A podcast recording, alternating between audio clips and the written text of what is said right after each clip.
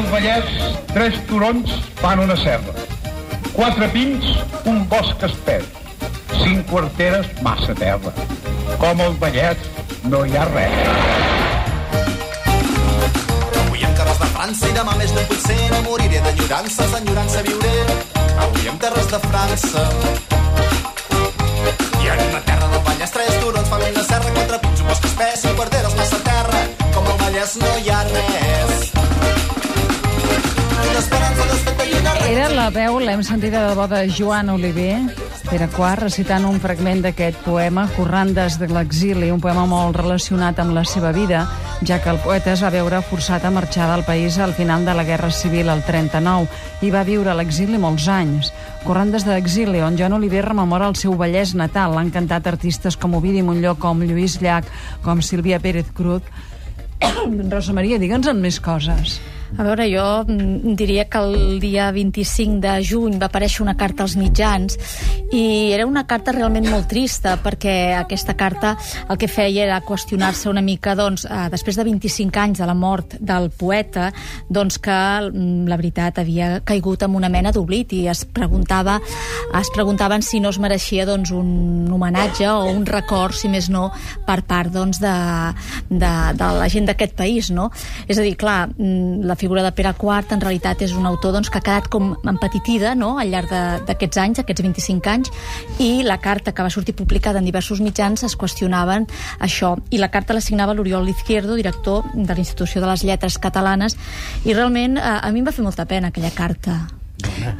Sí, a, a mi sí, la veritat és que... Ella diu des del cor, Home, clar, i ell- clar, jo crec que sí, perquè un país mai pot oblidar els seus escriptors, els seus poetes, la gent que ha lluitat doncs, pel país, no? I en aquest país això passa, però no, no només amb l'Oliver, no? En general. Amb d'altres Amb també, eh?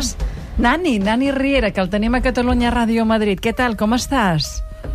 No el sentim. Ara ens ho arreglaran, a veure si el so ja, ja va. Què diu en, en, en l'Oriol Izquierdo?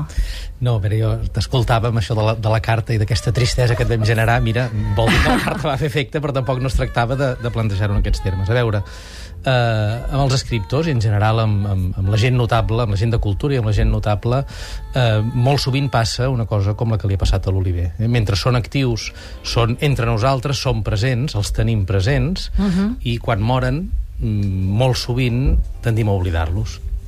I ja està. I ja està. Després hi ha autors que eh, tornen a aparèixer, eh, o que resisteixen eh, l'impacte de la mort i que continuen sent vius. I n'hi ha que fins i tot eh, arriben a sobreviure contra tot, tot, tota mena de pronòstics. Eh. Però a l'Oliver li ha passat una cosa que és molt habitual. Era un autor molt... Diguem, un punt de referència eh, indiscutible en vida, i sobretot durant la postguerra i durant els anys de la transició, i en canvi, després de, de morir, la seva veu sembla que hagi desaparegut.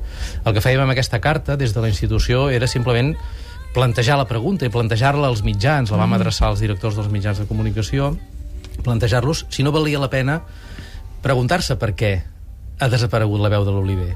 Rellegir Oliver per dir, home, com és que no el tenim Però era un home incòmode, l'Oliver. Home, molt. Molt, moltíssim. Nani, ara sí. És que m'han promès que va el so de Catalunya Ràdio Madrid i jo sóc una dona de fe. M'ho diuen la primera vegada, m'ho crec. M'ho diuen la segona, m'ho torno a creure. Però no, i tu? Sí. Jo? Ara... Ets un home de fe, Nani, encara? Sí, No intenta de sentir-te, que ara feia molts dies que no teníem l'oportunitat de parlar. Estem aquí amb l'Oriol Izquierdo i ens deia que hi ha eh, molts poetes al nostre país que són admirats eh, en vida, però que el, el dia que moren, doncs, fium, desapareixen com si diguéssim de l'imaginari públic. No sé si diries que és el, car de, el cas de Joan Oliver. Ha tornat a desaparèixer. Diu que hem de comptar fins a 10 a la vida, oi? Sí, Un, però jo dos, Ja torna a tres, ser, torna a ser. quatre, Va i bé, pobre cinc, sis, va i el nano. set, vuit... Eh, Com ha quedat eh, la Institució de les Lletres Catalanes Ara parlant vols, de vols tot? que fem aquesta falca? Sí, ara fem aquesta falca a veure si mentrestant recuperen les línies, perquè sa sa sabeu que això estava dins de la llei Òmnibus i aquí semblava que podíeu perdre, no sé si per dir-ho d'alguna manera, capacitat de decisió. Com ha quedat? A veure, en la, en la redacció inicial del, de la dicta llei Òmnibus, la institució pràcticament desapareixia. Uh -huh. eh, i en aquests moments, en el projecte que va aprovar el govern ahir, la veritat és que la institució eh, es, es renova i recupera força. Eh? Uh -huh. La institució és un organisme que té uns quants anys, va ser creat eh, l'any 37, va ser recuperat l'any 87, per tant l'any que ve farà 75 anys i 25 anys Sí. de la creació i la recuperació, i en aquests 25 anys han passat moltíssimes coses. Uh -huh. Llavors, una mica la mateixa institució tenia la necessitat de fer una posada al dia dels seus principis fundacionals.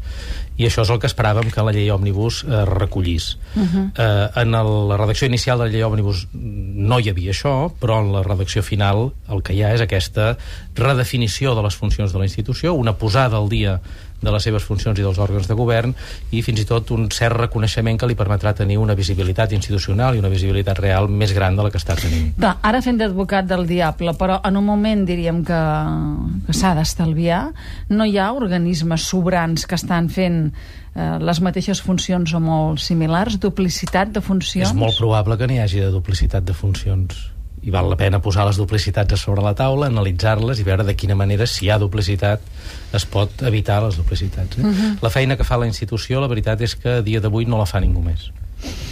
Ignasi Riera. Ara no.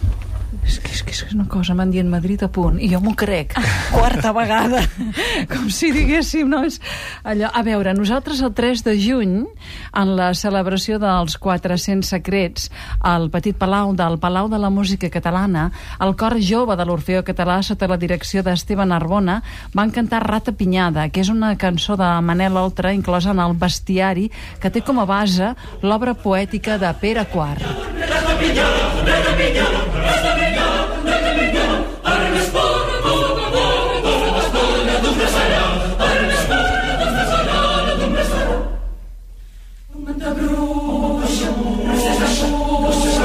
Quart.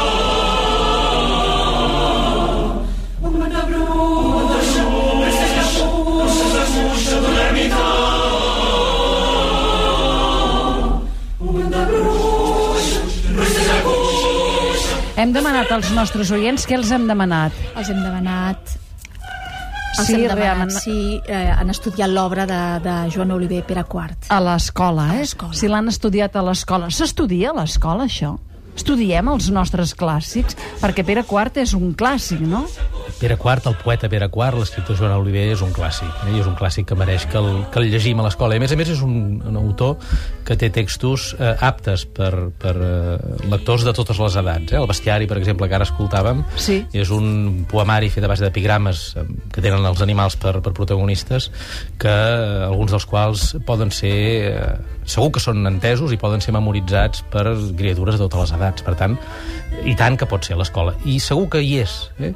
però aquest autor, els clàssics en general, la literatura, encara hi pot ser més. I això és el que hem de perseguir. Perquè la nostra literatura eh, està al nivell mundial. És un bon nivell de literatura en el present, en el passat més recent, seria el cas del Pere IV, i en el passat, diríem, més tradicional o històric? Ara et podria contestar gairebé amb una resposta política i dir que la nostra literatura és la, no, és la millor que tenim. Però ho és, eh? això, és que ens Però agafa és- una, una que flama patriòtica. Què? No, a veure, tenim una literatura clàssica, però també contemporània, viva, al, Sí.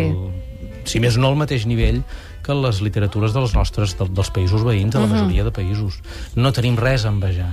Eh? La nostra literatura, tant la clàssica com la contemporània, és diversa, és rica, eh, deixa-m'ho dir d'una altra manera. És molt difícil que avui un lector català que vulgui llegir literatura escrita en la seva llengua eh, no trobi un llibre, no trobi un text del gènere que sigui que el pugui satisfer.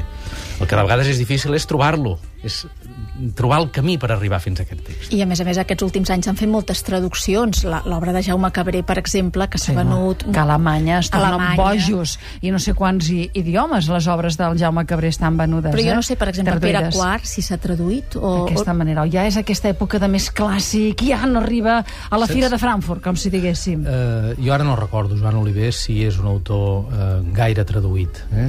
Eh, Se'l va traduir a l'espanyol segur durant els anys 70, eh, però en aquests moments no sé si s'ha traduït, no, no ho crec. Eh, de fet, mm, les traduccions a altres llengües van molt mediatitzades per l'interès editorial, i és lògic. I, per tant, un autor que no és viu, amb molta facilitat avui ho té difícil. Ha de ser realment un clàssic de molt de pes, i que trobi, com t'ho diria jo, un, un, un, un defensor, gairebé un, un deixeble, un, un profeta de la seva obra en l'altra llengua, perquè es faci aquell projecte seu. Una mica com li va passar a l'Espriu. La poesia completa de l'Espriu es va traduir a l'alemany l'any 2007. Això és perquè va haver un traductor que va dir, escolta'm, aquest autor és molt bo, i va aconseguir convèncer un editor i va tirar endavant el projecte. Perquè clar, els francesos de seguida reciten uns, uns poemes, no? Això dels, sí. dels seus autors. Ara molt tornem a l'escola, orgullosos, diguem. clar, i molt orgullosos, Clar, eh, més. exacte, clar. molt orgullosos. En canvi, això aquí eh, no ha acabat mai de, de funcionar. És a dir, els francesos estan orgullosos dels seus poetes i de la... O sigui, el sistema, Clar. jo crec que això té molt a veure amb la manera d'entendre l'escola, la manera d'entendre el pes de la literatura, de la llengua i de la literatura en l'educació.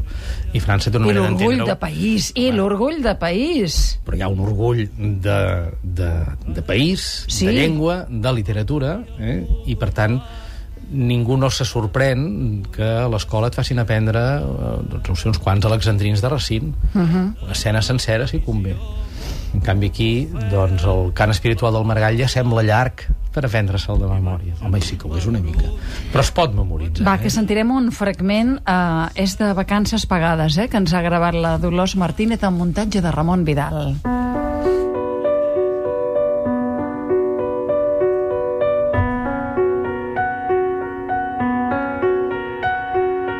Vacances pagades, Pere Quart.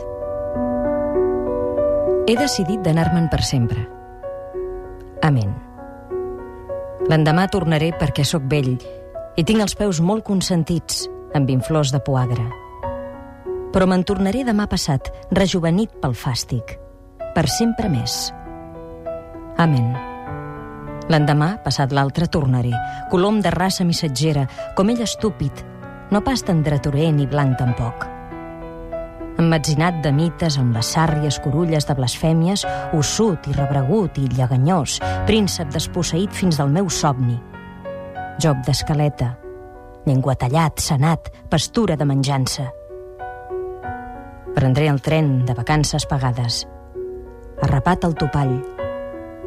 La terra que va ser la nostra herència fuig de mi. És un doll entre cames que em rebutja. Herbei, pedram, senyals d'amor dissols en la vergonya. Oh, terra sense cel. Però mireu-me, he retornat encara, tot sol gairebé sec de tanta lepra. Demà me'n vaig. No us enganyo aquest cop. Sí, sí, me'n vaig de quatre grapes, com el rebesavi, per la drecera dels contrabandistes fins a la ratlla negra de la mort. Salto llavors dins la tenebra encesa on tot és estranger, on viu, exiliat, el Déu antic dels pares. Es posa la pell de gallina, Nani, quina sensació et fa? Home, impressionant. Fa ben... No, fa ben pocs dies a Sant Llorenç Savall Sí. precisament va haver-hi un acte del Correllengua i vam tenir ocasió, hi havia la Sílvia Oliver, la filla, i jo vam poder tornar a llegir una sèrie de poemes de l'Oliver i són s'entenen i s'entenen bé. I per cert, a Madrid estem preparant pel darrer trimestre d'aquest any uh -huh. un acte i un homenatge a Joan Oliver, perquè sí que hi ha moltes versions castellanes de l'Oliver.